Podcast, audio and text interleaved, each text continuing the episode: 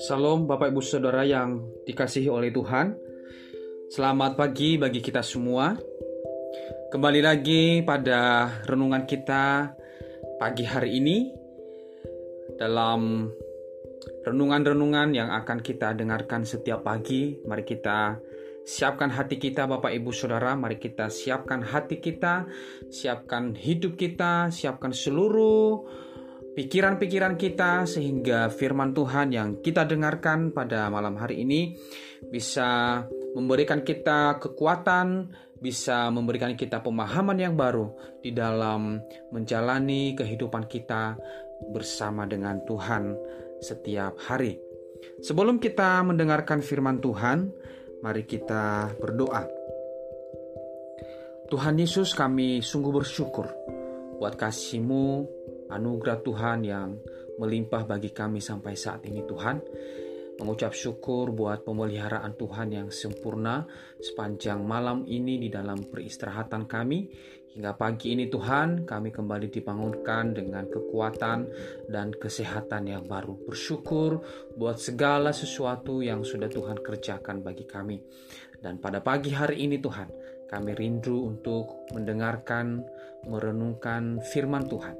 Kiranya Tuhan menolong kami, membuka pikiran kami, membuka hati kami, sehingga kami boleh menerima firman-Mu dan memahaminya di dalam kehidupan kami dan kami boleh lakukan firman-Mu setiap saat sehingga firman yang kami dengarkan dapat membangun iman percaya kami lebih lagi kepada Engkau ya Tuhan. Terima kasih kami siap mendengarkan firman-Mu di dalam nama Tuhan Yesus. Kami berdoa dan bersyukur. Haleluya. Amin.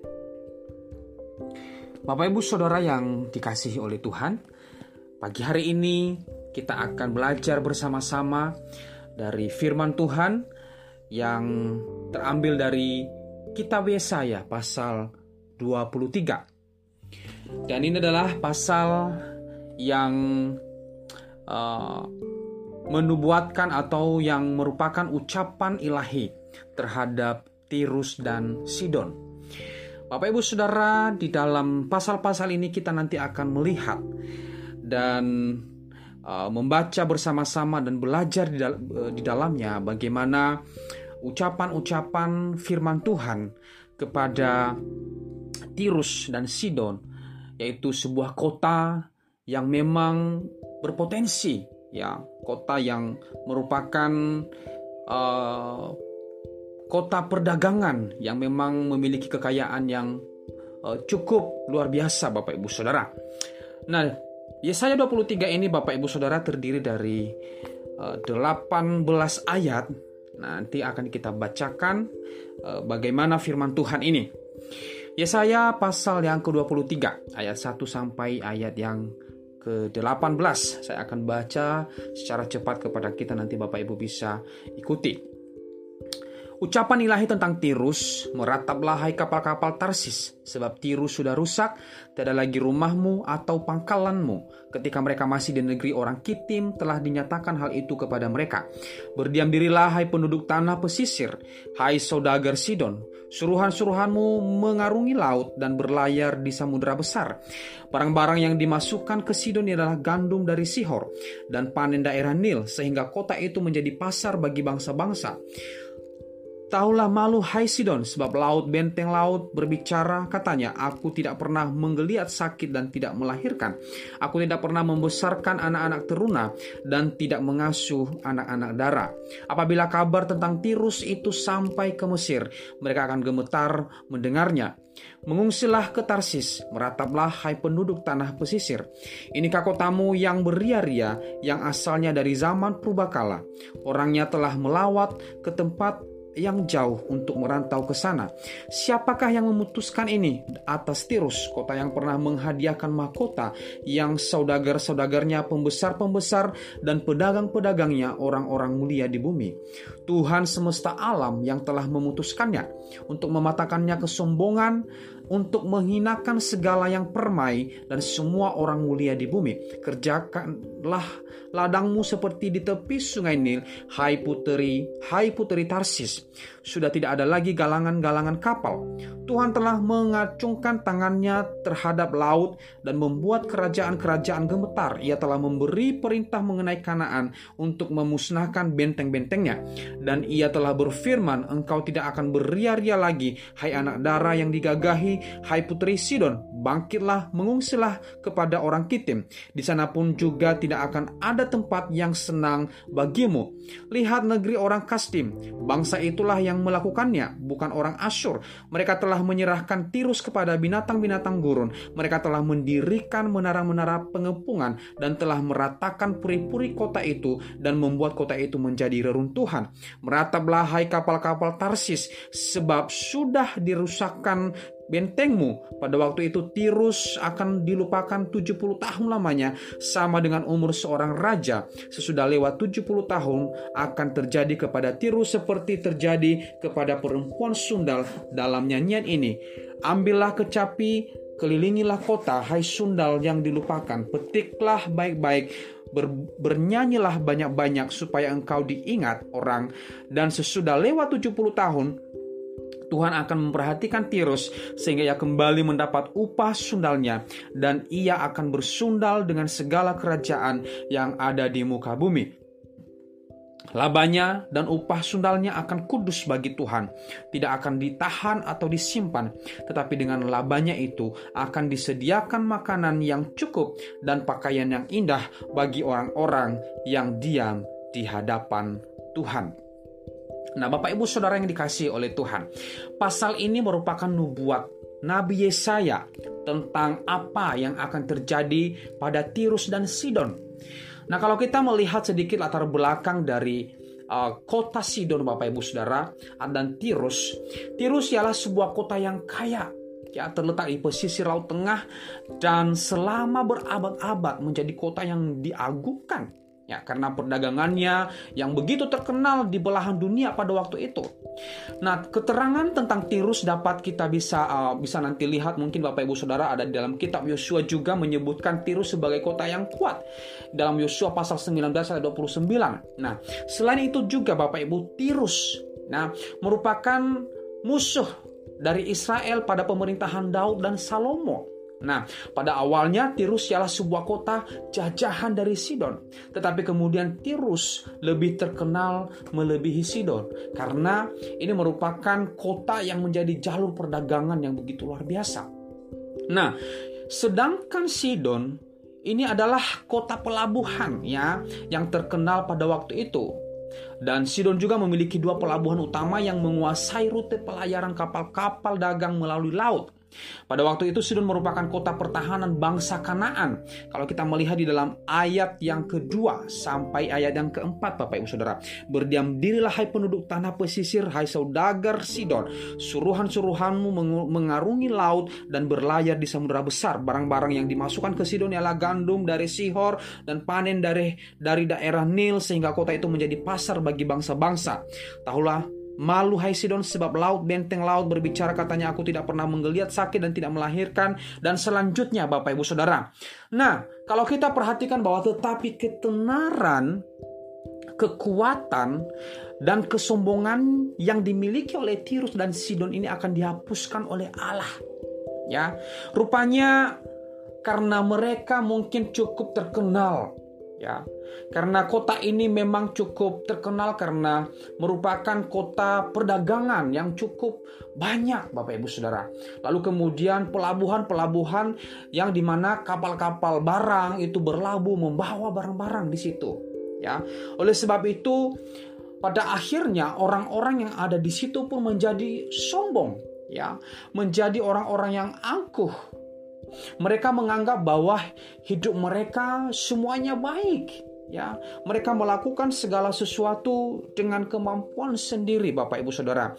Oleh sebab itu, uh, memperingatkan kepada mereka bahwa ketenaran mereka dan kesombongan kekuatan mereka itu akan dihapuskan oleh Allah ya karena mereka telah menjadi sombong atas kemampuan mereka itu. Kita bisa melihat dalam ayat 6 dan ke-9 nantinya Bapak Ibu Saudara. Ya nah Tirus dan Sidon akan hancur. Ya dan tempat kebanggaan mereka itu ya yaitu benteng dan pelabuhan tidak terlihat lagi. Ya di dalam ayat 10 di sana dikatakan bahwa kerjakanlah ladangmu seperti di tepi sungai Nil. Hai putri Tarsis sudah tidak ada lagi galangan-galangan kapal. Ini perhatikan sudah tidak ada lagi galangan-galangan kapal. Lalu lanjut ke ayat yang ke-11 Tuhan telah mengacungkan tangannya terhadap laut dan membuat kerajaan-kerajaan gemetar. Ia telah memberi perintah mengenai Kanaan untuk memusnahkan benteng bentengnya. Nah, Bapak Ibu Saudara, di sini kita bisa melihat bahwa segala tempat-tempat kebanggaan seperti pelabuhan, bahkan laut-laut ini menjadi tidak terlihat lagi ya. Lalu kemudian Tirus akan diserahkan kepada binatang-binatang gurun untuk dimusnahkan ya lalu kemudian benteng-benteng pertahanan Tirus juga sebagai lambang kekuatan mereka akan hancur. Di dalam ayat yang ke-14 di sana dikatakan merataplah kapal-kapal Tarsis sebab sudah dirusakkan bentengmu. Jadi Bapak Ibu Saudara ini akibat dari keangkuhan mereka kesombongan manusia akan luntur oleh kemahakuasaan Allah Meskipun begitu Allah menyediakan pemulihan untuk Tirus kembali setelah lewat masa yang ditentukannya yaitu 70 tahun di dalam ayat yang ke-17 ya. Ini adalah janji pemulihan yang Allah berikan kepada Tirus dan Sidon. Tetapi ya pada mulanya, pada awalnya Allah melihat bahwa kota ini orang-orang yang ada di dalamnya menjadi sombong karena mereka merasa bahwa itu kekuatan mereka sendiri. Mereka bisa mendapatkan segala sesuatu, mereka bisa berhasil. Dan kota itu menjadi kota perdagangan. Pada akhirnya mereka membanggakan dan menyombongkan diri. Mereka melupakan Allah yang sebetulnya adalah sumber dari segalanya. Yang telah memberikan dan memberkati tempat itu. Ya, oleh sebab itu Allah memberikan penghukuman kepada mereka. Sekalipun di dalam ayat 17 Allah berkata bahwa Sidon dan Tirus akan dipulihkan. Tetapi ada jangka waktu ya. Ya pada akhirnya memang Allah pulihkan. Tetapi ini adalah merupakan sebuah pelajaran bagi mereka ya. Oleh sebab itu kalau kita perhatikan di dalam kehidupan kita sebagai manusia ya manusia ini diciptakan memang penuh dengan potensi itu tidak salah. Memang Allah memberikan setiap potensi kepada setiap orang. Si A memiliki potensi yang begitu luar biasa. Si B memiliki potensi yang lain, si C dan lain sebagainya. Semua orang memiliki potensi yang berbeda-beda. Ya. Dan itu anugerah dari Tuhan. Lalu yang harus diperhatikan adalah ketika potensi itu telah diberikan oleh Tuhan, Buk, tujuannya adalah bukan untuk menyombongkan diri, ya, tetapi perlu kita ketahui bahwa kita gunakan untuk mempermuliakan nama Tuhan, ya. Kita perlu memberikannya sebagai pemuliaan, kemuliaan bagi nama Tuhan. Kemampuan apa pun yang sudah Tuhan berikan kepada kita, tidak ada tempat bagi kita untuk bisa berkata bahwa ini karena saya ini karena pekerjaan saya, ini karena perbuatan saya. Bapak Ibu Saudara kita perlu ingat bahwa segala apa pun yang kita miliki termasuk kemampuan, kepintaran, ya, kecerdasan dan apa pun itu Ya, kita perlu sadari bahwa itu semua dari Tuhan. Jika hal itu nanti membuat hidup kita menjadi sombong, lalu kemudian kita melupakan Tuhan, hal yang sama akan terjadi kepada kita seperti apa yang Tuhan lakukan atas Tirus dan Sidon. Diambil dari mereka. Ya, benteng-benteng mereka diambil, kapal-kapal mereka dihancurkan, pelabuhan-pelabuhan bahkan kota mereka di ombrak-ambrik, Bapak Ibu Saudara, di obrak-abrik. Ya. Jadi ini pelajaran penting bagi kita bahwa sekarang apa pun yang menjadi posisimu, Tuhan tempatkan di mana pun engkau berada. Ingat tetap menjadi anak-anak Tuhan yang senantiasa mempermuliakan Allah melalui apa yang engkau punya. Talenta apa pun yang sudah Tuhan berikan kepadamu, berikanlah itu untuk kemuliaan Tuhan. Kesempatan-kesempatan apa pun yang sudah Tuhan izinkan untuk engkau rasakan, untuk engkau kerjakan, lakukan itu untuk kemuliaan nama Tuhan. Bukan menggunakan kuasa itu untuk menghakimi orang lain, menyombongkan diri kepada orang lain, lalu menjatuhkan orang lain. Tetapi ingat firman Tuhan, bahwa ketika Allah yang mengangkat kita, ya maka yang perlu kita lakukan adalah kita juga tetap harus merendahkan hati kita merendahkan diri kita di bawah kaki tangan Allah. Karena jika Allah yang mengangkat kita maka ketika kita tidak mempergunakan itu dengan baik maka Tuhan juga akan membawa kita kepada titik yang terendah karena kita tidak mau bersyukur terhadap apa yang sudah Tuhan berikan kepada kita secara cuma-cuma. Oleh sebab itu, jemaat Tuhan yang dikasihi oleh Tuhan, mari segala apa pun yang engkau punyai, kemampuan, ya, talenta-talenta, karunia-karunia apa pun, berikanlah itu untuk kemuliaan nama Tuhan. Untuk memberikan, untuk kemuliaan nama Tuhan, untuk memberkati orang lain, untuk menguatkan orang lain, untuk mendorong orang lain, untuk membangun orang lain.